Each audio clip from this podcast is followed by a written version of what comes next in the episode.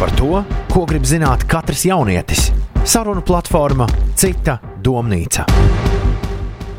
Es sveicināts raidījumā Cita Domnīca. Mans vārds ir Karmen Stepanova, un šajā reizē mēs tiekamies brīdī, kad pāris dienas šķir mūs no brīža, kad liela daļa cilvēku um, iegādāsies šokolādes konfektes. Lipinās viens uz, otriem, viens uz otru vaigiem uh, sirsniņu uzlīmes, ja kāds vēl tā dara. Un, uh, principā, varētu teikt, ka svinēs Valentīnu dienu. Viedokļi vienmēr par šo dienu dalās, tāpat kā viedokļi cilvēkiem dalās arī par attiecībām. Vai tās ir nepieciešams vai nav nepieciešams, vai cilvēks grib būt neatkarīgs, vai viņš spēj būt arī neatkarīgs un personība attiecībās. Tāpat, uh, vai eksistē mīlestība un uzticība, kas cilvēkiem attiecībās šķiet nozīmīgs, šie ir tikai nedaudz no jautājumiem, kurus kurus centīsimies apskatīt šajā raidījumā. Un par to, kas ir attiecības, kā viņi izprot attiecības un kā viņi redz attiecības. Šodien izteiksies Beata Bērziņa, interneta satura veidotāja, Latvijas televīzijas šova supernova konkursanta jaunā labākā draudzene. Čau! es jau aizrāvos. Ļoti labi. Prezentācija ir notikusi. Tāpat šeit arī trenere, telpu sev radītāja un Instagram blogera Kristīna Zanīte. Čau, čau. Un Latvijas Nacionālā teātra aktieris Igors Šagalovskis. Jā, jā. Mīlestības eksperts. Mīlestības eksperts visi šeit ir satikušies, un mēs esam gatavi Jā. sākt sarunu. Bet pirms mēs sākam spriest par to, kā jūs paši jūtaties šajā tematā un kāds ir jūsu viedoklis, iepazīsimies ar mūsu radošo palīgu sagatavoto materiālu. Paldies Rīgas Traģiņu universitātes praktikantēm, kuras devās Rīgas ielās, lai cilvēkiem uzdot jautājumu, kādas ir attiecības mūsdienās un kā Rīgā satiktie cilvēki raksturoja attiecības mūsdienās. To noskaidrosim jau tūlīt pat. Šodien mēs ejam ielās uzzināt cilvēku viedokli par mūsdienu romantiskajām attiecībām. Ejam! Šķiet, mūsdienu attiecības ir mazāk nopietnas nekā senāk viņas bija. Man liekas, tādas pārspīlētas, nu, tīpaši jauniešu vidū. Steidzīgas vēlams, lai būtu noturīgākas. Diezgan uh, vieglprātīgas, varētu teikt. Puisiem viņi neatiecās tik labi, jo uh, kaut vai viņiem ir meitene, viņi tāpat ies pie citām meitenēm arī ļoti bieži attiecības nav iespējams tik noturīgas, kā tas bija senāk, kad cilvēks iepazinās un tad arī ilgāk dzīvoja kopā. Vēlams būtu jā, šis noturīgums, ko mūsu laikos laikam ir diezgan grūti saglabāt. Nu, man liekas, ka attiecības galvenais, lai būtu viegli abiem. Pašlaik, cik es skatos, meitenes pievērš uzmanību pie, pie banka konta. Viņas nav kā agrāk bija, kad attiecības tiešām bija balstītas uz mīlestību. Manuprāt, tagad viņas ir vairāk uz naudu, kuram vairāk naudas tam pie tā arī iet. Ir sevišķi meitenes, manuprāt. Man liekas, ka internets maisījies attiecībām, tāpēc ka visi jaunuši sēž savā telefonā. Starp cilvēkiem ir tas telefons. Tā ir tāda lieta, par ko, man, manuprāt, katram dara aizdomāties lai tās attiecības nepaliek tikai telefona aparātā. Viss attīstās ļoti strauji, bet tiešām viss ir tik operatīvi, ka varbūt jādomā nedaudz par romantiku, ne tik daudz par uh, skaitļiem, cik par brīnumiem. Paldies liels cilvēkiem, kas atsaucās aicinājumam runāt par attiecībām Rīgas ielās. Jums nebūs iespēja no tā izvairīties. Kāda ir pirmie iespēja pēc iepriekš dzirdētā? U, es nepiekrītu tam, kad visi saka, ka attiecībām vajag būt noturīgākām. Manuprāt, attiecībām nevajag vairs būt uz visu mūžu. Es uzskatu, ka partneri var mainīties, jo tie ir tie cilvēki, kas tev visvairāk dzīvē māca. Un tu nevari, ja tu vairs nemācies neko no tā cilvēka, kāpēc tur viņi esi kopā, ja sēž tukši tērēt savu laiku, kāpēc jūs esat kopā. Plus, man liekas, tās attiecības nav tik noturīgas, jo cilvēki beidzot ir sapratuši to, ka tā nav, ka tu aprecies 17 gados, tad tev jādzīvo visu dzīvi, jātaisa bērni, jārī, jārī, jārī, tā kā šajā TSSR laikā, vai ne? Tagad cilvēki var meklēt sev tos īstos, zintos dvēseli radiniekus. Tas vairs nav ko pirmo tu atrodi, vai ne klases biedru, vai klasi augstākā kādu. Ar to tev ir jāprecās. Man liekas, cilvēki saprot to, ka viņiem ir vairāk dots laika meklēt, plus viss notiek vēlāk. Tagad notiek precības vēlāk, bērni vēlāk, viss notiek vēlāk. Tā kā es domāju, ka cilvēki vienkārši ir sapratuši to, ka viņi var meklēt sev laimi, nevis viņiem ir jāsamierinās ar to, kas ir tepat ap stūri. Tas ir tas tieši, ko es tevī klausoties gribēju piebilst par to, ka mēs vairs nesamierināmies. Mēs vienkārši ejam tālāk. Ja kaut kas nepatīk vai kaut kas tur nesēž, un nedomā, es nedrīkst iet prom, jo tad man nosodīs par to, kas aizēja projām. Nu, ir kaut kāds gan jau meitenes, nu, arī puiši, kas tāpat samierinās, bet tev nevajadzētu to darīt.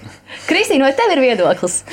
es esmu tā kas vairāk būs par to ilgi un laimīgi. Uh, nu, Tā varbūt ir gadījies dzīvē, mani vecākiem nebija ilgi laimīgi, bet vecākiem bija. Un viņi tad ir man tas piemērs, un es to ļoti gribu nodot bērniem.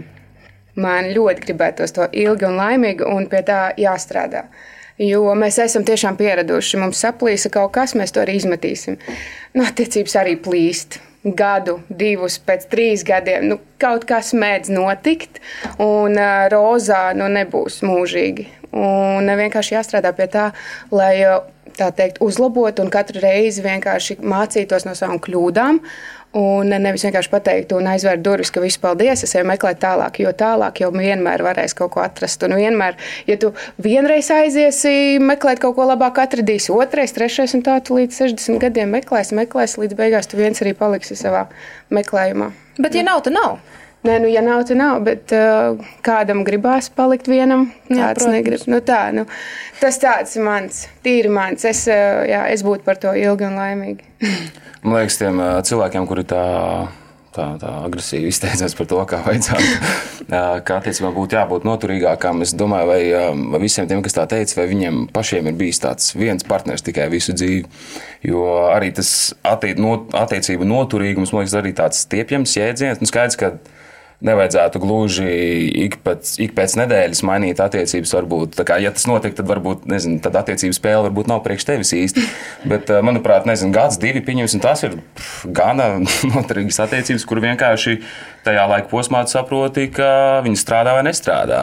Bet mēdz arī teikt, ka pēc gada tu tikai saproti to, kā tas cilvēks ir patiesībā. Un līdz tam tu kā esi bijis tajās noturīgajās attiecībās, bet tad tev nokrīt tas. Sazinu, kas mums tur ir uzkritis. un tad ir viens, "Ā, Jā, un tas ir tas cilvēks.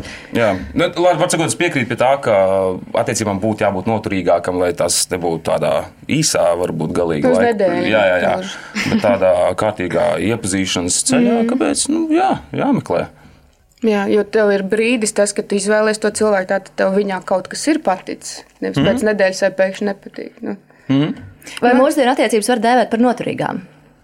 Es tieši gribēju teikt, ka jā, man, tā. vismaz manā pieredzē, kas cilvēki man ir apkārt, viņi ir diezgan nopietnās un nu, pārsvarā vismaz Noturīgās. noturīgās attiecībās. Jā. Plus jāpiemina ir tas, ka katram ir savs dzīves stāsts, mm. un ne visiem būs noturīgs, un ne visiem būs nenoturīgs. Un tas, ka varbūt Anna ir noturīgs un Pēterim nav, tas nekas, jo katram savs. Katram savs tas gājums būs. Nu, jā, nav gluži jāskatās viņiem tik noturīgs, un es ar tā gribu, un tagad par spīti es būšu ar saviem. Ar zobiem un nagiem turēsies. Jā, jo es gribu tā. Arī pat ja tā kā, kā personai X nav noturīgas attiecības, uf, kā- kāda mums ar to kā, Ja viņš tā grib, vai viņa nu, tā kā, domā sevi, es Vismaz agrāk bija ļoti dažādi viedokļi par to, ka vīrietim var būt šīs tā, dažādas, ik pa laikam īsās attiecības, bet sievietei atkal ir jābūt tā, kas tā izvēlās vienu un stāv. Un, nu, atšķirās, vīrietim ir jā, sievietei nē. Bet tas taču nestrādā. Jo, vīri, ja vīrietis ir attiecībās ar sievieti, tas nestrādā. Ka vīrietis var šitā un sieviete ir viens. Nu, ka, ko tas nozīmē? Ka sievietes pieķerās pirmajai mīlestībai, paliek visu mūžu nelaimīgs, nelaimīgs mm. kamēr vīrieši tur plezīro apkārt visam rajonu bēbēm. Tā tas nestrādā. Mūsdienās nu, taču vairs Jā, Nu, jā, balans tāpēc, ka agrāk jau arī citāds bija sociālais stāvoklis sievietēm. Viņām bija tur grūtāk gan ar darbiem, Jā. gan ar karjeru un tā. un Līdz ar to viņām bija tā, ka pieķerties vīrietim bija bieži vien tā kā atrisināja visu viņu dzīvi. Šodien tā situācija citāda līdz ar to. Mhm.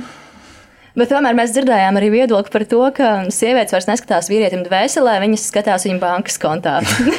Tā vienmēr ir bijis. Vai ne? Vai ne tā? Kad, Nu. uh, kad uh, bija mednieki, tad gribēja stiprāko mednieku.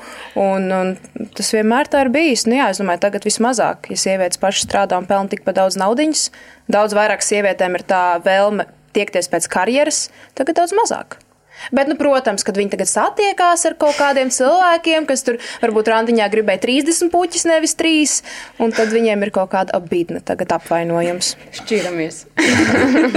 Pirmajā randiņā. Kā tev ir? Tev meitenes uh, prasa daudz naudas? Uh, Vai tev meitenes izmaksā daudz? Uh, nē, īstenībā man nekad nav pacēlušās nekādi jautājumi par naudu. Gan tad, ja teiksim, man nav naudas, vai arī otram nav naudas, kā, kas, tas kaut kā vienmēr ir bijis. Tas nav nekad nav bijis spēlējis nekādu lomu patiesībā. Es arī nekad to neesmu redzējis kā jautājumu. Mm. Jā. Jā, nu, ir ir daž, daudz dažādas alternatīvas tam arī, ja nav naudas. Viņam vienkārši jābūt gan radošam, laikam. Un tur aizvest uz krāsmā. Bija agrāk bloga ieraksts par to, kā aizvest meiteni pēc iespējas lētākā randiņā. Bija par to, ka nopērts kafiju Narvesenā. Bulciņu kaut kur citur, un tad tu staigā visu laiku. Pastaigāju, es 5 stundas pastaigāju. Es esmu liekas tas prikals, kas bija 15, 16, 17 gadu vecumā, kad viss gāja uz tiem randiņiem, viss Vienkārši iz- sakautrējies. Tu vienkārši staigā un runā un runā un Mm. staigā un runā. Nu, randiņš Not pa lēto. Bet man šķiet, reāli mūsdienās tas, nu, labi, protams, vienmēr tāpat tās iedalīsies nu, cilvēki divās grupās. Vienam uz uh, mūžīgi un forever, ever, un vienam pietiks arī ar kaut kādu konkrētu periodu, vai ne konkrētu, bet vienkārši, ja nav, tad nav. Uh, tāpat arī ar tiem kontā skatīšanos. Nu, ir sievietes, kuras vienkārši arī pastīsies. Nu, ir tev tur tāds uh, smukāks vāģis, vai tomēr kaut kāds neīpašs, kurā es kāpšu un viss. Nu, Divi varianti sievietēm, divi varianti vīriešiem. un Pilnībā visam. Tas jau tāpat kā otrajā virzienā, tas laikam strādā ar to, ka vīrietis vērtē sievieti pēc tā, cik viņa ir uh, sportiska un skaista. Vienkārši nu, tām sievietēm, kuras uh, skatās Gribēju kontā. teikt, tieva. Nu, jā, jā. Dieva, jā, jā. Par šo noteikti arī būs kāda domnīca par tievajiem un ā, netik tievajiem, bet mēs Slaidi, dodamies. slaidi, jā. Šajā brīdī raidījums ir domnīca dodas iekšā dziesmā, atgriezīsimies pēc brīža un tad pievērsīsimies bērnības atmiņām. Saruna platforma Cita domnīca. Tu klausies PCLV sarunu platformu Cita domnīca, un šodien kopā ar internetu satura veidotāju Betu Beidzu, Instagram blogeri Kristīnu Zenīti un aktieru Igoru Šelagovski runājam par mūsdienu attiecībām. Nedaudz iespējams nokļūsim filozofiskā sapņainā līmenī, taču ir temats, kas vienmēr nāk ar ļoti dažādām emocijām, un tā ir bērnība. Atceroties bērnību, atceroties pusauģu gadus, kādas iespējams jums tobrīd bija mm, expectācijas, ko jūs gaidījāt no attiecībām tajā vecumā? Uzreiz ar mani, ja? Jā, jā. Man liekas, ka man būs ilga ar laimīgu kādu rokas zvaigzni. Man ļoti rokas zvaigznes patīk. Man liekas, ka rokas Vēl zvaigznes. būs nav ilga un laimīga. Nav vairs tādas priekšā. Tikai repas vai, vai nē, viņi tak visi mīkstie, tagad visi rokas zvaigznes ir. Nu, nevajag, nevajag. Labi, varbūt pastāst tu. par savām iedomām. Patiesībā man nebija baigi tādas cerības uz kaut ko.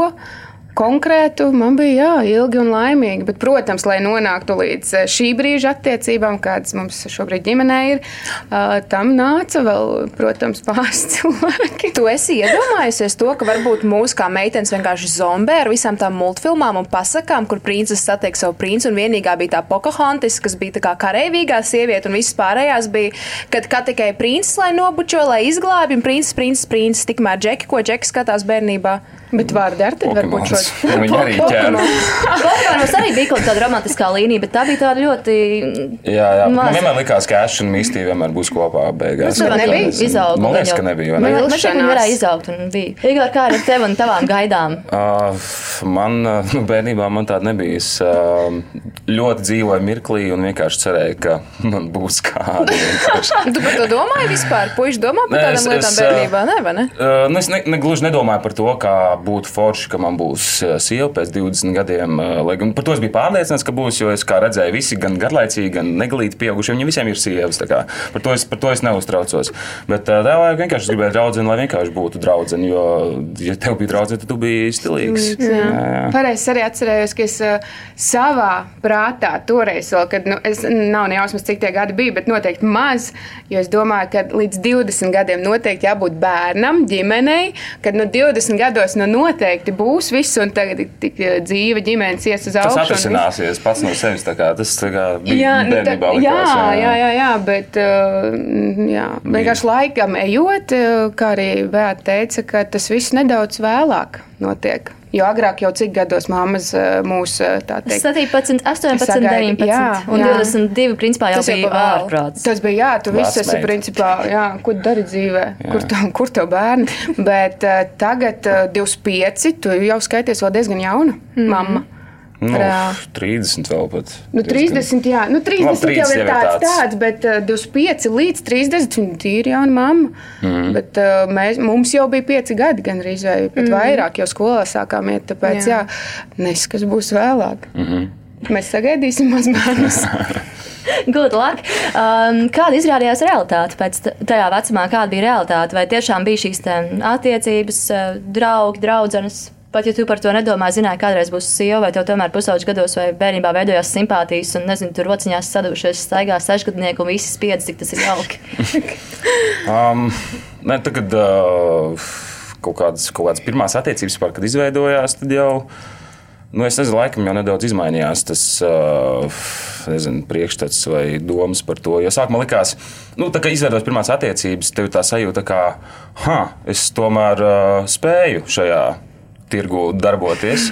Un tad uzreiz nākamā attiecīga doma ir tā, ka es varētu dabūt kaut ko labāku. Un, un uh, attiecīgi, nu, tā strādā vīriešu Un tad nožēlo pēc tam, tu saprati, ka tu nevarēji dabūt kaut ko Jā, labāku. bija tā diezgan laba. Un pēc tam nožēla, nu, pro- jā, bija, bija, bet pēc tam arī to arī pārdzīvot, tad to kaut, kaut ko arī, nu, tad tas ir tāds ierauja virpulī. Jā, jā jo man es atceros arī. Visas draudzenes jau bija bučojušās, un tad uh, tu tāds vienīgais, kurš skrējas pa treniņiem, un vēl nē, un tad likās tāds, ka kaut kas nav. Nu, Pušiem it kā patīk, un viss ir forši, bet uh, kaut kas bremzējas. Un tā, un tad, jā, tas likās tāds kaut kāds konkrēts slieksnis, ka līdz tam jāizdara tas, līdz tam jāizdara tas, un tad tajos 20 ģimene un aiziet. Mm. Bet, protams, ka tā nenotika. Nu, tā kā viss atrisinās pats no sevis. Ir draugs, ir draugi un attiecības pirmās. Mm. Un pirmās vilšanās ar asarām. Jā. Es nezinu, kā ir tagad īstenībā. Man bija bail. Kad es biju pusē, man bija bail no puišiem. Man bija bail, es negribēju nevienu laist sev klāt. Es arī sev nevienu nelaidu klāt. Bija kaut kāds periods, tur 15, 16, kad es ar visiem bučojos, vai ne? Kādu nedēļu atnāku uz skolu pirmdienā un draugiem. Nu, Es ar to bučojos, es ar to bučojos, bet nu, vienmēr, kad tur rociņas zem krekliņiem, tad bija. Nē. Nē, Mhm. nē. Es tādu neesmu. Jā, un tad es tādu diezgan ilgi īstenībā arī neviens jau nelaid klāt. Mhm. Runājot par šo tēmu, vienkārši gribēju šķiršanos. pieminēt, ka tas, nu? ir, tas ir ok, ja, ja ir meitenes, kas nevienu negrib sev laist klāt un kam ir bail no puišiem, jo man arī bija bail. Tas pārējie. Runājot par šo šķiršanos, un tu teici arī vilšanās, cik nopietni jūs pusauģi gados uztvērāt šķiršanos? Tev ir laikam divus viedokļus, vai kā vīrietis, kā puisis tajā laikā uztvēra. bija un kā- asaras un šķiršanos, iemesli? kā, nu, no kuras puses, nu, vai atraidījumi, Ā, vai arī, ka tev ir Nu, jā, jāpieņem redz, arī ir, Jā, jā, jā. ir arī tas, ka tev atraidi, vai tu kādu atraidi. Un... Nu, atraidījums, protams, tas ir. Uh, Savu pirmo atraidījumu es, pārci, es tiešām pārdzīvoju veselu gadu, jo mēs mācījāmies vienā skolā. Tā kā bija katru dienu, labi, paldies, mēs nebijām vismaz vienā klasē, bet redzēt katru dienu viņu skolā. Nu, tas, jā, lai gan tāpēc, ka bija slēgts atgādinājums, es nezinu par to, ka nu, tas uzreiz iedzen kaut kādu tādu, nezinu, nevērtību par sevi un ka tu. Ka tu esi, nu, plus arī ir kaut kādas citas bērnības lietas, kur tu esi neesi kaut kur iedarējies. un Uzreiz, ja tu esi ar to ticis galā, tad šis jaunais atradījums uzjūta, nu, tā kā dabū augšā jau apraktos atradījums, ar kuriem tu esi ticis galā. Un, uh, nu, var sakot, jā, tas nav, nav patīkami. Patīkami.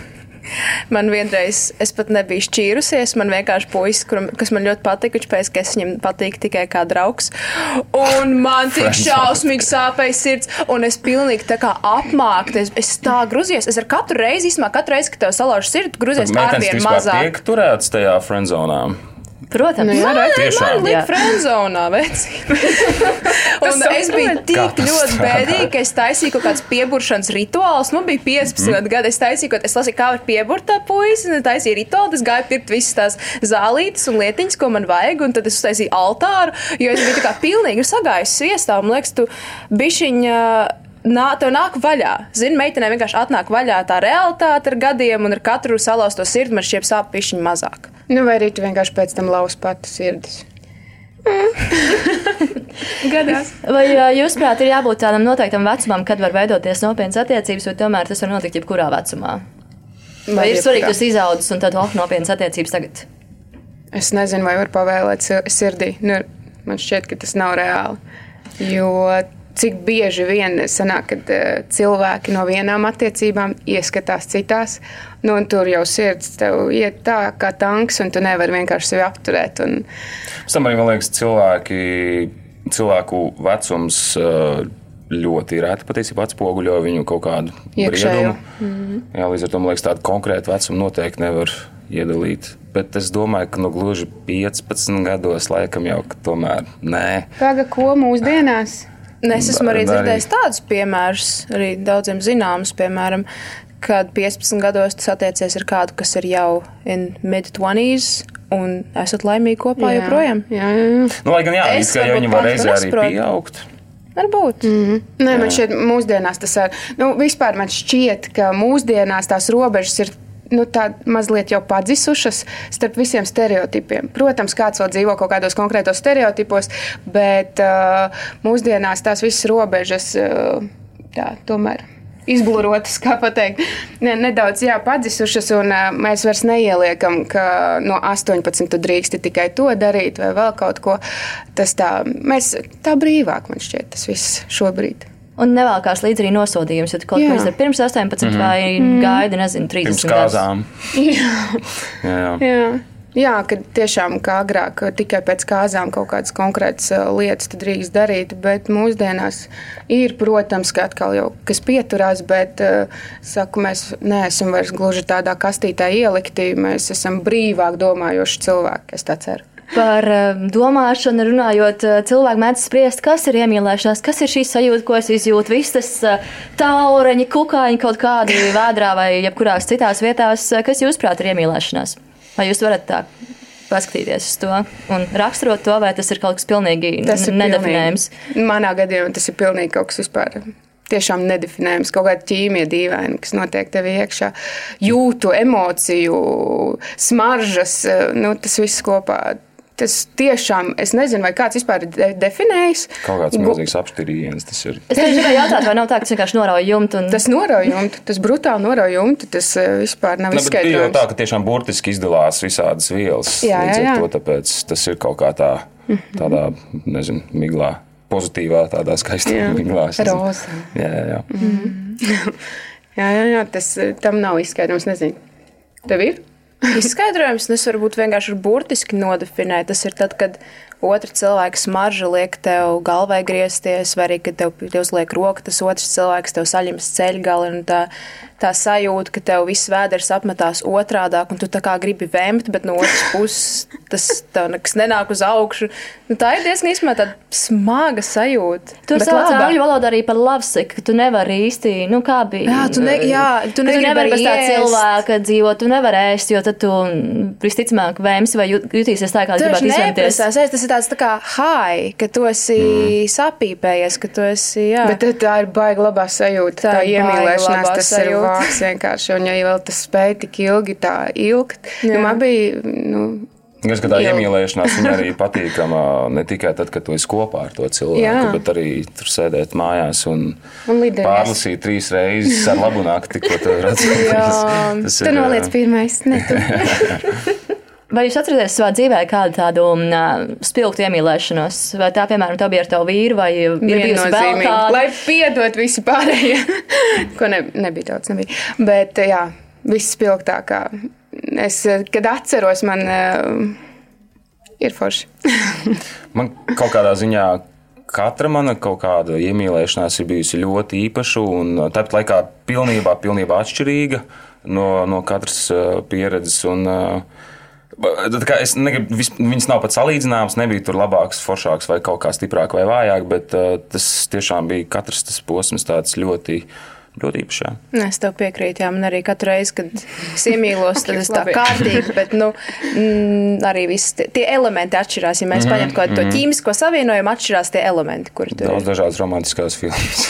Nē, nu redz, kad jums būs uh, sieva vīrs, varbūt jums arī beigās būs, ka jā, nu šis bija tas spēcīgākais. un Nu, ka tas būs tāds no- joprojām tāds Ilgstošais Jā, un tāds jā. uz augšu ejošs jā. par pārmaiņām. Jā, jo es Jā. saku, es Jā, viennozīmīgi varu pateikt, ka tās bija tās attiecības, tā iemīlēšanās, kura pilnībā norāva jumtu vispār un jebkuras robežas. A, Viss, ko tas viss. nozīmē?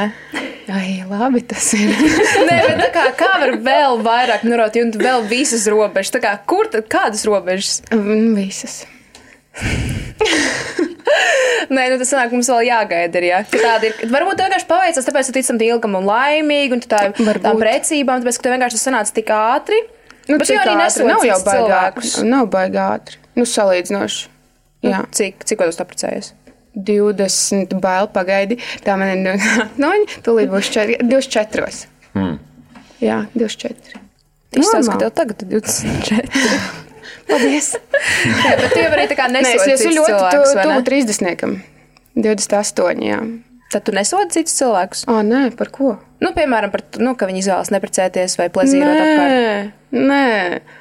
Es arī zinu, cik ļoti pārbauda nākamo, nākamie posmi attiecības. Tāpēc, ja tava izvēle ir neprecēties un dzīvot vienkārši, kā sauc, civillaulībā, ne? Un uh, Ir kā tāds termins vairs neeksistē. Tagad Nu, tā, jā, mēs teikt, jā. mans dzīves biedrs. nu jā, partneris arī ir tāds partneris, Bē. jā, jā. Jā. Katrā ziņā par jauniešiem un pirmiem attiecībām mums izstāstīs arī ā, psihoterapeite Madara Pumpura, kur bija tik laipna, lai sniegtu mums komentāru. Tādēļ paklausīsimies, kas Madarai ir sakāms. Tā ir taisnība, ka mūsdienās jaunieši jūtas vientuļāki. Tas ir saistāms ar to iemeslu, ka pārsvarā komunikācija notiek caur internetu un sociālajiem portāliem, un līdz ar to tas notiek čata formātā, nevis reālajā tikšanās. Kā tas rezultējās? Tas rezultējas ar to, ka it kā ir daudz draugu, bet patiesībā neviens īsts draugs nav. Un tas jauniešiem ir faktors, kas liek justies vientuļākiem nekā tas bija kādreiz, kad tikšanās notika biežāk. Tas, vai jaunietim izdosies noturēt attiecības ilgtermiņā, ir vairāk atkarīgs no paša jaunieša nekā no mūsdienu tendencēm. Lai gan šo visu varētu ietekmēt fakts, ka mūsdienās ir internets, kas palīdz iepazīties, piemēram, caur aplikācijām, kas ir viegli pieejamas arī jauniešiem. Šī pieejamības sajūta var radīt iespaidu, ka aiz žoga zāle ir zaļāka, un ārpus šīm attiecībām ir kāds potenciāli piemērotāks partneris. Biežākie iemesli, kādēļ neno, neizdodas noturēt attiecības, ir tādēļ, ka cilvēki eh, nespēja menedžēt konfliktus, varbūt viņi klausās mazāk nekā runā, precīzāk sakot, neklausās viens otrā. Un uh, ir arī attiecībās gaidas, kas nevienmēr ir reālas. Attiecībām var arī traucēt tas, cik mūsdienās ir bieža viedierīču lietošana. Un, uh, Ļoti bieži attiecībās partneris uh, domā, ka otram ir jālasa viņa vēlmes, šīs vēlmes uh, nenokomunicējot. Tā ir diezgan liela problēma. Un arī intimitātes trūkums spēja runāt par savām jūtām un uh, tās uh, menedžēt. Jauniešiem romantisko attiecību veidošana ir ļoti svarīgs personīgās attīstības faktors, un šajā vecumā ir arī raksturīgs tā saucamais poligāmijas, eh, poliandrijas periods, kad jaunieši eksperimentē bieži mainot partnerus. Tas notiek pusauģu vecumā. Eh, Tad, kad eh, jaunieši paaugās un kļūst vecāki, šis periods parasti pāriet. Un mūždien senais jautājums, vai monogāmija ir reāla un patiesa, vai cilvēkiem ir jādzīvo pa diviem. Patiesībā ir tā, cilvēki ir grupas dzīvnieki. Galvenais, lai cilvēki dzīvotu grupā. Kādēļ eh, mūsdienās ir monogāmija? Tas ir eh, pārsvarā tā iemesla dēļ, eh, ka dzīvot. Dzīvojot grupā, būtu grūti sadalīt resursus. Resursus vieglāk ir sadalīt dzīvojot pa diviem. Ja attiecībās ienāk trešais cilvēks, tad rodas visādas problēmas, piemēram, kas ir saistīts ar greizsirdības emocijām, materiālajiem jautājumiem un bērna jautājumiem. Attiecībās ir svarīgi rēķināties vienam ar otru, bet nav jāziedojas un jāuzupurējas otra labā nemitīgi. Protams, mazliet savas intereses ir jāupurē attiecību labā, jo altruisms ir viena no pazīmēm, kas cilvēkam ļauj būt harmoniskās attiecībās.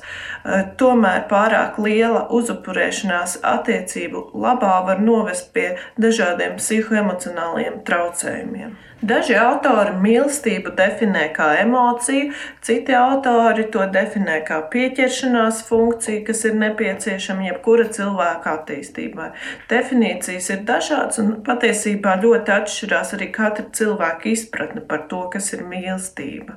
Bieži vien cilvēki izvēlās savu partneri, kas ir līdzīgs ģimenes locekļiem, jo tā ir viņa mīlestība, lai gan tās attiecības var būt arī vardarbīgas, jo tur patiesībā eh, tā ir pieķeršanās kaut kam ļoti pazīstamam.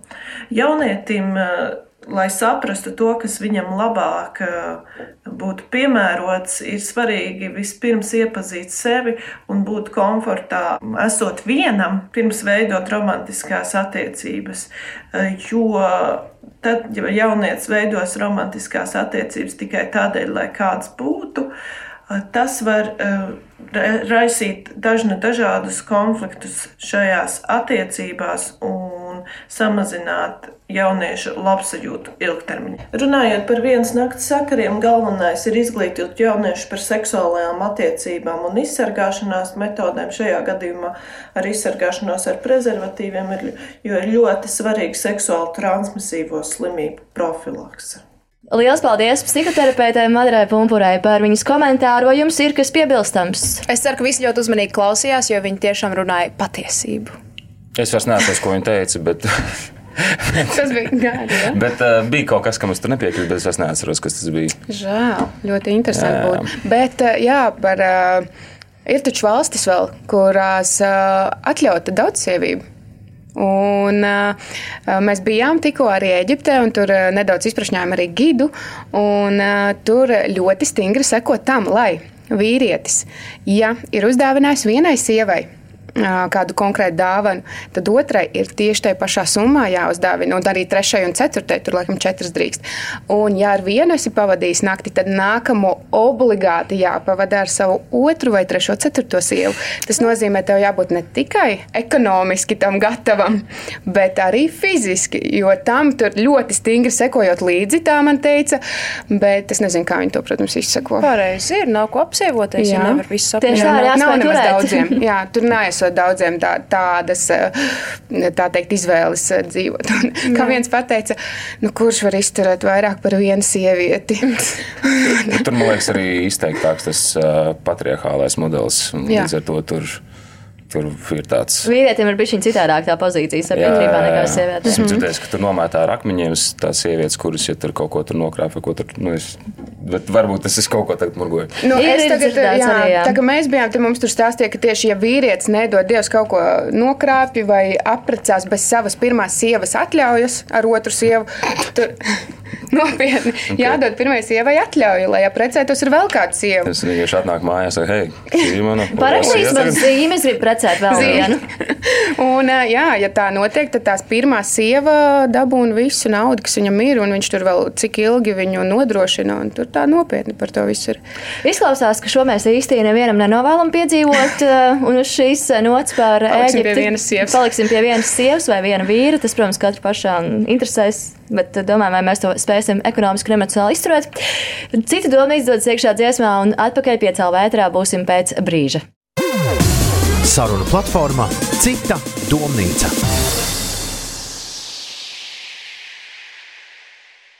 To klausās rādījuma citu donīts, un šodien runājam par mūsdienu attiecībām. Skaidrs, ka ne visiem attiecības ir nepieciešamas. Daži cilvēki ir pašpietiekami vai sevi par tādiem dēvē.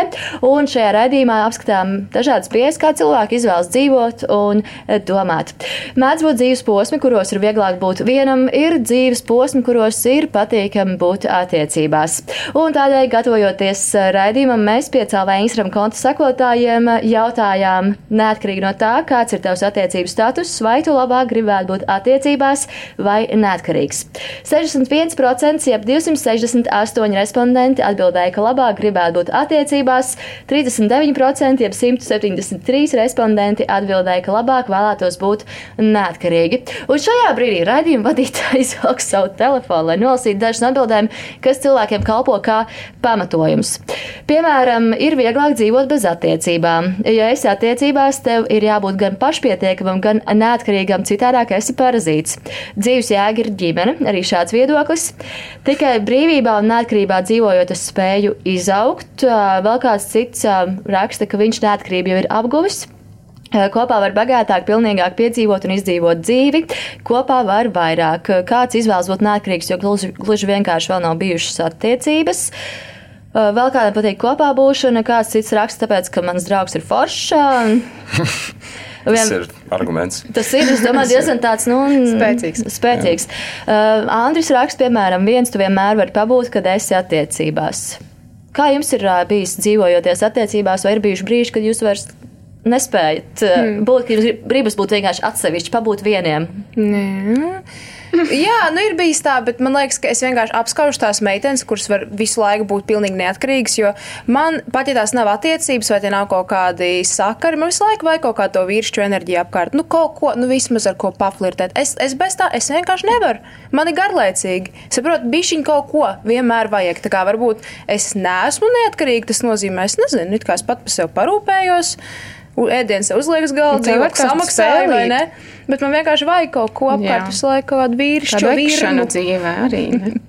Jā. Jā, jo man šķiet garlaicīgi. Kā, nu, ja tiešām tā kā vispār, vispār bez vīrieša, bez flirta vai kaut kā, man Jā. šķiet reāli dzīve garlaicīga. Jā. Bet uh, par ko? Kā var par to nedomāt arī? Ka vienkārši izslēgt jebkādu, jebkādu vīrišķo kontaktu. Vienkārši nedomāt par to. Ja mēs nedomātu par to, nevaru iedomāties. Es varu. Par iedomāties, izslēdz jebkādu vīrišķu vīrišķo kontaktu. Jā, vīrišķo kontaktu var pilnībā izslēgt. no savas okay, bet, nu, bet uz otru pusi. Uh, man liekas, ka to var. Uh, ne, ir reizes, ka man tiešām man patīk uh, pabūt uh, vienītī un tā kā, nedomāt ne par, nu, tā kā nebūt nekādā tur arī kontaktā. Bet man liekas, tas viss tāds uh, līdzsvara jautājums. Es negribētu būt pilnībā viens visu laiku, bet nu, negribētu būt tas vecpuisis, kurš atopās tur 40 gados mājās ar uh, kaut kādiem tur. nezinu. Atopās kā Leonardo DiCaprio, kur meitenes paliek jaunākas, bet viņš paliek vecāks. Jā, jā, jā. Uh, bet uh, es, man, es nekad neesmu īsti laikam, saskāries ar, ar, ar šo. Bet tu saki, ka um, tu gribi pabūt bišķiņu viens. Tāpat var pabūt viens. Tā kā, kā arī viņi teica, ka attiecībās tu vari arī Nē, pabūt esot viens. attiecībās. Es uh, tā kā joprojām varu pabūt viens. Jā. Tā kā, nu, es māku to izdarīt, un ar to nav vispār problēma. Nav tā, ka piesiet pielīmēts klāt Jā, un jā. viss, un tagad Jā. Vairāk neatiesi. cilvēki, vairāk cilvēki teica, ka viņi vienkārši vēlas neatkarību, viņi grib būt pašpietiekami. Vai tiešām, jūsuprāt, attiecības apdraud cilvēka neatkarību, vai mēs tiešām esam tādi, ko paņems un viss, tu vairs neesi neatkarīgs, tu attiecībās dzīvo? Es domāju, ļoti atkarīgs no paša cilvēka. Tur bija arī minēts par to, ka visvairāk augt tu vari tad, kad tu esi viens un neatkarīgs. Tam es piekrītu. Tas noteikti ir taisnība. Bet Mm. Tur tieši bija arī pretējais uzreiz. Tu nolasīji, man šķiet, Un, ka dzīves jēga ir ģimene? Nē, nē, nē, nē, ka tev vislabāk attīsties, esot kopā ar kādu un augot kopā. Kaut kas tur Jā, nu, līdzīgs šādi arī dalās tie viedokļi. Jā, cilvēks viņiem šis jā. pār, pāra sastāvdaļa palīdz atkal augt jā. augšu. Mēs viens otru reāli motivējam. Nu, jā. Nē, nu, noteikti no katra partnera tu vari kaut ko mācīties Jā, dzīvē. Bet uh, viens pats tur pievērsties pie tādām lietām, kā um, sevis meklējuma, grāmatu Jā. lasīšana, jauni hobiji, jaunas izklaides. un Nē, nu, katrā dzīves to posmā var arī visu darīt. Attiecībās, man liekas, ka tur var sevi izdarīt. ito. Man liekas, ja, um, ja nav toksiskas attiecības un ja Jā, attiecībās uh, nemēģina kāds uh, dominēt, tad arī, nav, tad arī nerodas līdzatkarība. un Līdz ar to tu ne, nepaliec atkarīgs un neviens nepaliek no tevis atkarīgs, ja ir vienkārši līdzsvars Ja attiecībās. nav tikai slimās toksisks, bet, uh, robežas. Jā, bet arī, ka nav stagnācija. Jā, jā, jā. Jā. Nu, tas bieži vien beidzas ar šķiršanos. Ja, ja neiet nekas uz augšu un nekas nemainās, un jūs esat iesprūduši kādā no posmiem, tad uh, bieži vien ar to arī beidzas attiecības. Mm, Tā, tas nav man kā tā teikt, likums, ja? bet uh, Es tieši šodien runāju ar, ar, ar, ar labi, nav svarīgi, bet uh, to, ka, to, ka vienā brīdī nu, viņš vienkārši bija vecāks, viņam tur 35 laikam ir. un Viņš uh, stāstīja par jautājums, viņam, viņam kaut kas uzdeva jautājumu par to, vai, vai var būt gatavs bērnam. Un viņš teica, nu, ka jā, ka vienkārši vienā brīdī tu, tu tev sāk patikt rutīna. Un man liekas, ir kaut kādas. Uh, Attiecībās arī man šķiet, mēs esam pārāk jauni vēl līdz tam, bet uh, man liekas, ir attiecības, kurā cilvēki nonāk tajā patīkamajā rutīnā, kad viņi vairs neskraida apkārt, viņiem īsti vairs, nu, viņi īsti ir atraduši sevi mm. un, un, un vairs neko baigi tā nemeklē, bet tas, tas, tas vecākiem. Nu, vienkārši jā, kopā turpina augt, protams, bet nevis tam, tā, ka tam... trakot un meklēt jā. sevi, bet vienkārši ģimenis. Ne, protams, pēc tam tas aplis apiet atkal, un tad atkal rodas kaut kāda 40 gadnieku krīze, vai ne? Un nē, viņi sāk agrāk, ka apmēram 35. Nu, jā, Paklausies, ko cilvēks jau pēc gada teiks. Paklausies, ko viņš jau pēc gada teiks. Mm -hmm. uh, par dzīves attiecībām un um, neuzticību un visiem šiem jautājumiem komentāru mums sniedzam iepazīšanās treneris vīriešiem, kurš sev dēvē par svēto Robertu un nodarbojas tieši ar to, palīdz vīriešiem iepazīties ar sievietēm.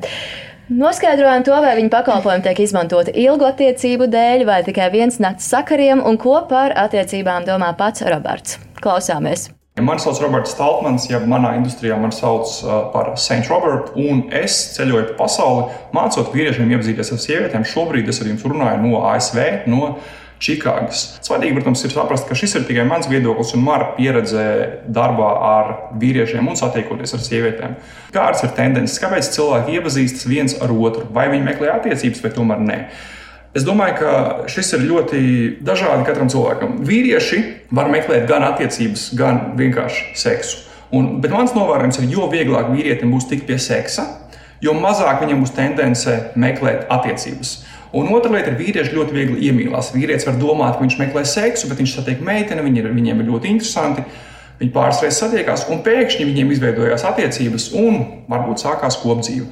Meitenes tajā pašā laikā meklē gan attiecības, gan seksu ļoti bieži. Proti, meitene aizjot uz randiņu ar ļoti pieklājīgu vīrieti, izturēsies ļoti pieklājīgi, runās ar pieklājīgākām tēmām, un līdz seksam varbūt nonāks, es nezinu, ne pirmajā, otrajā randiņā. Ja? Savukārt, aizjot uz randiņu ar um, kādu citu kas e, gluži neatstāja tik pareizi iespēju. Viņi saprot, šis nebūs gluži mans vīrs. Varbūt ar viņu būs labs seks, un ja vīrietis savus kārtas izspēlēs pareizi, seks būs visbiežāk pirmajā, varbūt otrajā randiņā. Tā kā abi dzimumi meklē abas divas lietas. Un mans darbs ir palīdzēt vīriešiem iepazīties ar sievietēm.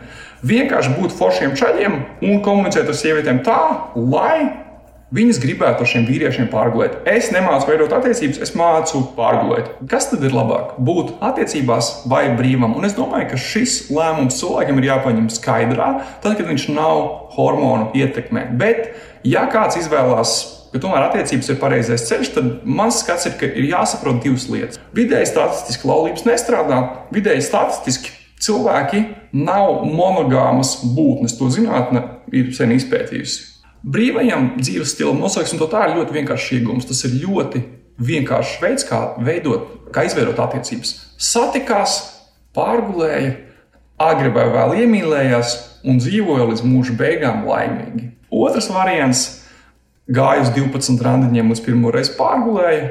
Abi bija ļoti nopietni, abi ļoti izvērtēja, ar ko tiksies, satikās un atkal dzīvoja līdz mūža beigām laimīgi. Tie ir vienkārši dažādi veidi, kā nonākt līdz nu, tam sabiedrības uzliktajam attiecību stereotipam, ka tas ir tas, kas mums ir jādara. Uh, bet tāpat laikā, it īpaši runājot par meitenēm, ir pārs, jo sabiedrība šo negaida, ka ir ļoti daudz meitenes, kas īstenībā nevēlas nopietnas attiecības, kurām patīk satikties ar vienu vai vairākiem vīriešiem, labi pavadīt laiku. Tas arī ir viss. Ja man ir jāsaka, kas ir tas, ko es vēlos, tad es varu teikt, tā, es esmu izskraidījies bet es tik un tā noteikti nemeklēju īsto un vienīgo. Man patīk satikt jaunas sievietes no dažādām pasaules valstīm, ar dažādiem uzskatiem, dažādām dzīves pieredzēm. Es mīlu pavadīt ar viņiem laiku. Kopš es to sapratu, priekš sevīm šie pēdējie gadi ir bijuši laimīgākie manā mūžā tieši attiecību tēmā. Godīgi sakot, man nav nekādas nojausmas, ko es darīšu vecumdienās. Varbūt es iemīlēšos kādā fantastiskā sievietē, izveidošu ģimeni un audzināšu bērnus. Varbūt. Vai arī varbūt es 85 gadu vecumā nomiršu gultā ar 20 gadīgu medmāsu.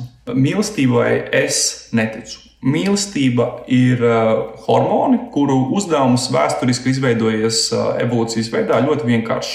Panāk, ka cilvēki pusotru līdz divu ar pus trīs gadiem šausmīgi, šausmīgi mīl viens otru.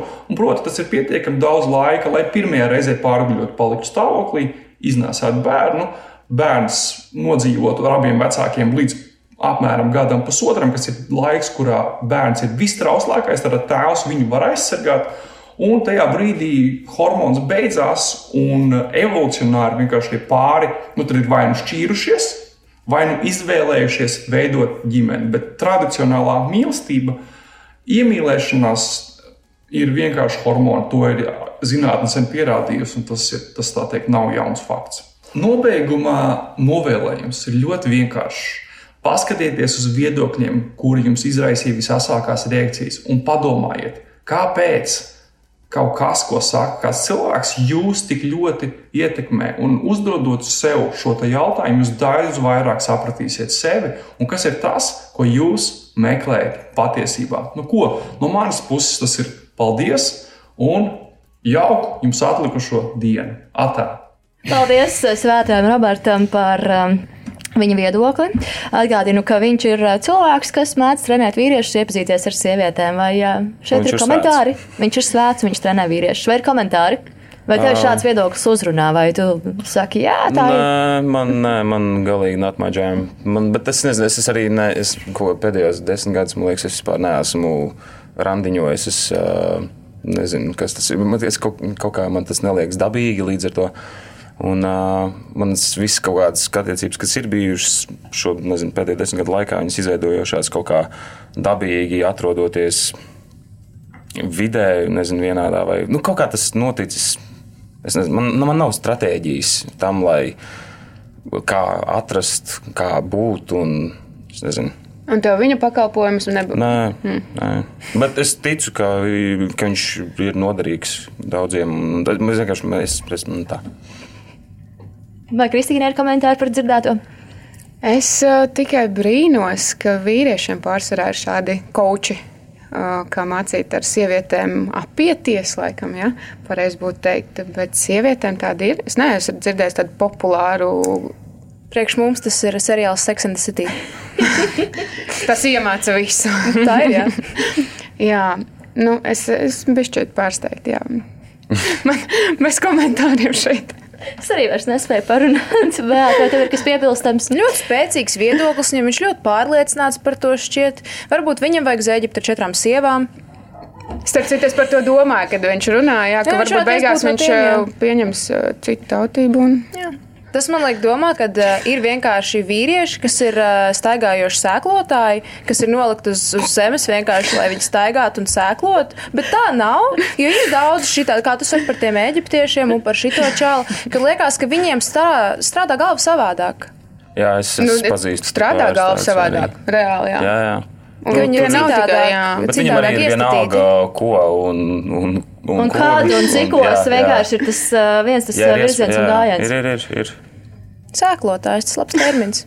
Bet ir arī, man liekas, nu, es nezinu, atbildot, nu, tas ir sēklas meklētājs. Tā arī varētu būt. Sēklas meklētājs? Tu kuras- sievietēm, jā, to Nu, krājējs, sievietēm bišķiņ grūtāk, tāpēc, ka tev reāli krājējs, ir. Tev ir tā sēkla ve- deviņus mēnešus jānēsā iekšā, pēc tam uz viņu jāstāsta visu dzīvi. Nu, tā kā tas ir bijis viņa Nē, nē, es, savādāk. es domāju, tā kā, nu, pieņemsim, ka viņa parūpējas par to, lai viņa nepaliek stāvoklī, bet viņa vienkārši viņai patīk. À, tā ir sieviete, kam patīk izpriecāties, bet uh, es runāju par vīriešiem, kam patīk sēklot. Ā, tā kā apbērnot. Jā, kas vienkārši iet un katru Vienā laulībā, vienā laulībā divi bērni, Jā, tad ir vēl viena, tad ir krāsās pa trīs. visiem kontinentiem. Tu par tādiem dzirdējis. Lielā tautas staigāšana, principā. Lielā tautas staigāšana. Jā, labi. turpināsim ar mūziku piecēlā vētrā, un tad atgriezīsimies ar secinājumu daļu. Saruna platformā Cita domnīca. Šī raidījuma gaitā mēs esam dzirdējuši dažādus komentārus un dažādus viedokļus. Ir, protams, dažādas pieejas, kā ar cilvēkiem iepazīties, kā veidot attiecības, ja tādas ir vajadzīgas, vai cilvēks jūtas tam gatavs. Tāpat eh, mēdz būt sēklotāji, sēklas vācēji. Ir ļoti plašs sortiments ar to, kādi cilvēki ir mūsdienās, un viņi visi iekļaujās dzīvā mūsu sabiedrībā. Jautājums jums eh, noslēgumā ir tāds, vai cilvēki, jūsuprāt, ir radīti, lai dzīvotu pat diviem. Protams, kādā brīdī tur pievienās trešais vai ceturtais, kas ir bērns vai maidzīvnieks, bet sākumā tas vai cilvēkiem ir jābūt pat divi. Pilnīgi noteikti. Nu, Citādi jau mēs būtu izmiruši diezgan sen. Ātri. nu, ātri varbūt nē, bet jā. Man liekas, ja tas strādā, tad tas ir forši, ka tev ir otrs cilvēks. Es palieku pie tā, ka katram ir savs, kādam patīk tiešām tā tautu staigāšana, vienkārši uh, dzīvot un baudīt dzīvi citādākā veidā, bet es izvēlos šīs pāra attiecības. Es ticu, ka mēs katrs varam strādāt pie sevis un mācīties no katrām attiecībām, lai kā tās ir beigušās vai turpinājušās, un uh, parūpēties par to, lai mēs esam laimīgi attiecībās un lai mēs varam augt attiecībās, un lai mēs varam attīstīties attiecībās un atrast arī to laiku sev, būt vieniem. Un nevis tā, ka tikai mēs pa vienam varam kaut ko izdarīt. Mēs arī esot ģimenē, varam ļoti daudz ko izdarīt. Kā jūs prāt, atrast to, kas strādā, jo šis strādā bieži vien parādās sarunās par attiecībām par to, ka nu, ir jāstrādā, jānostrādā kaut kam, kaut kam ir jānotiek, vai cilvēkiem vispār ir jāmeklē kaut kas, kas strādā? Attiecībās? Jā, vai nu. attiecības pašas, vai tādas attiecības, kas strādā. Nostrādā viņam par labu, vai patīk, vai viņš jūtās ērti labi. Man šķiet, vai vienkārši, lai attiecības strādātu, vajag vienkārši runāt un klausīties un filtrēt. Katram savs modelis attiecību, nu, pavisam noteikti. Nevis eh, skatīties, ka tiem tur strādā viens modelis, un mūsu ģimenei noteikti tas arī strādās, ka mēs tur kaut kādu konkrētu uh, darbības veiksim. Bet uh, galvenais Protams, runāt tas vispār man šķiet, jebkurās ne tikai eh, pāri attiecībās, mm. bet vienkārši cilvēku attiecībās runāt, klausīties un arī vienkārši saprast otru cilvēku. Mm, tas arī viss. Jā, man šķiet, ka. Um, Tev ir sākumā jāatrod kāds, ar kuru ir viegli, un tad, kad parādās problēmas, varbūt pie tā ir jāpiestrādā. Mm. Bet, ja tas darbs paliek par smagu, nu, tad varbūt tas nav priekš tevis. Nu, tiešām, ja tās attiecības tevi nogurdina un strādāt pie viņām un strādāt, nu, varbūt ir laiks iet tālāk. Jā, noteikti. Jaunu darbu. Meklēt jaunu darbu. Nu, lai tas neieilgst gluži jau uz pieciem gadiem. Jūs varat iesniegt Tinderī vai kurā citā iepazīšanās portālā. Un eh, nobeigumā jautājums ir pavisam vienkārši, vai kādam ir kas eh, piebilstams? Jā, ja jūs tomēr esat izvēlējušies eh, dibināt ģimeni, un pēc tam to attīstīt līdz tam, ka jūs jau esat vecāki, tad tomēr būt vēl atbildīgākiem par saviem lēmumiem. Un, Mums vienmēr būs tā tieksme, tas ir tas cilvēcīgais, laikam, ka gribēs vienmēr kaut ko labāk, kaut ko tālāk un kaut ko varbūt pamainīt. Un šobrīd tas internets ir tik viegli pieejams. Un, uh, Instagrams ir viegli pieejams, visi pārējie sociālajie tīkli, un mēs, protams, redzam, ka tā kā psihoterapeita minēja, zāle vienmēr aiz sēdes būs zaļāka, bet tomēr strādāt pie savām attiecībām. Īpaši tad, ja jums jau mājās ir vēl papildus kāds bērniņš un izvēlēties to tautu staigāšanu, atstāt pārējiem, kuriem vēl šobrīd nav ģimenes. Tas tāds uh, mazais atgādinājums par to, ka rūpēsimies par to savu dārzu, un tad citā, lai jau kāds cits rūpēs. Tad es arī kaut ko piebildīšu. It's on. Ja, ja gribās bērniņu, ja gribās dibināt eh, ģimeni, ir pilni nami bērnu, bērnu nami, kuriem vajag mātes, kuriem vajag tēvus, kuriem vajag kaut kādu uh, skolotāju dzīvē, mentoru. Varbūt tu neesi cilvēks, kas grib taisīt līdz galam savu bērnu, varbūt tu par to domā. Uh, Es tiešām iesaku vienkārši iemācīties mīlēt tos bērnus, kas mums ir. Tā kā vienā sižetā arī teica, tas bija, man liekas, tas, tas svētais Roberts. Roberts, ka cilvēki ir grupu radības un mums ir jāiemācās mīlēt tie bērni, kas ir mūsu grupā, nevis taisīt jauni. Tāpēc, ka man šķiet, varbūt tas ir bijis viņa ekstrēms viedoklis, neviens negrib piedzimt vairs šajā pasaulē. Pilnīgi neviens bērns vairs negrib piedzimt. Tāpēc vienkārši iemācīsimies mīlēt esošos. Es zinu, ka tas, ir ekstrēms. To noteikti grūti dzirdēt, bet neviens negrib piedzimt šajā pasaulē. Paldies jums! Noslēgumā vēlos tikai pateikt to, ka ar šo raidījumu neviens eh, netika nosodīts. Eh, mēs tomēr aicinām būt empātiskiem pār citu cilvēku izvēlēm par to, vai viņiem patīk tautas staigāšana, kā mēs vairāk kārt esam jau minējuši pēdējo piecu minūšu laikā, vai viņi vēlas uh, apprecēties un visu mūžu pavadīt kopā ar cilvēku, ko satikt 13 gados. Katram ir sava izvēle, kāds var arī vispār izvēlēties. Dzīvot beztuvības ar kādu citu cilvēku. Un tā tālāk. Varianti ir tiešām daudz. Galvenais, lai mēs esam apmierināti ar to, kur mēs esam. Un gadījumā, ja tu attopies attiecībās, kuras saprot, ka tās eh, šķiet toksiskas, eh, meklē palīdzību, lai saprastu, vai tās tādas ir vai nav. Visbiežāk tādas ir. Pēc tam mēs griezīsim ārā vienkārši aizvērāt. Paldies, paldies jums, ka bijāt šeit. Paldies, tev, ka tu šo visu skatījies. Un, protams, paldies arī radījuma radošajai un brīnišķīgajai komandai, producentei Monikai Martinsovai, video režisoram Artim Eglītim, fotogrāfam un vizuālo noformējumu autoram Emīlam Trauņam, kā arī Rīgas Tradiņu universitātes praktikantēm Samantai, Katrīnai, Katrīnai, Montai, Elzai un Annai. Paldies! Sarunu platformā Cita domnīca.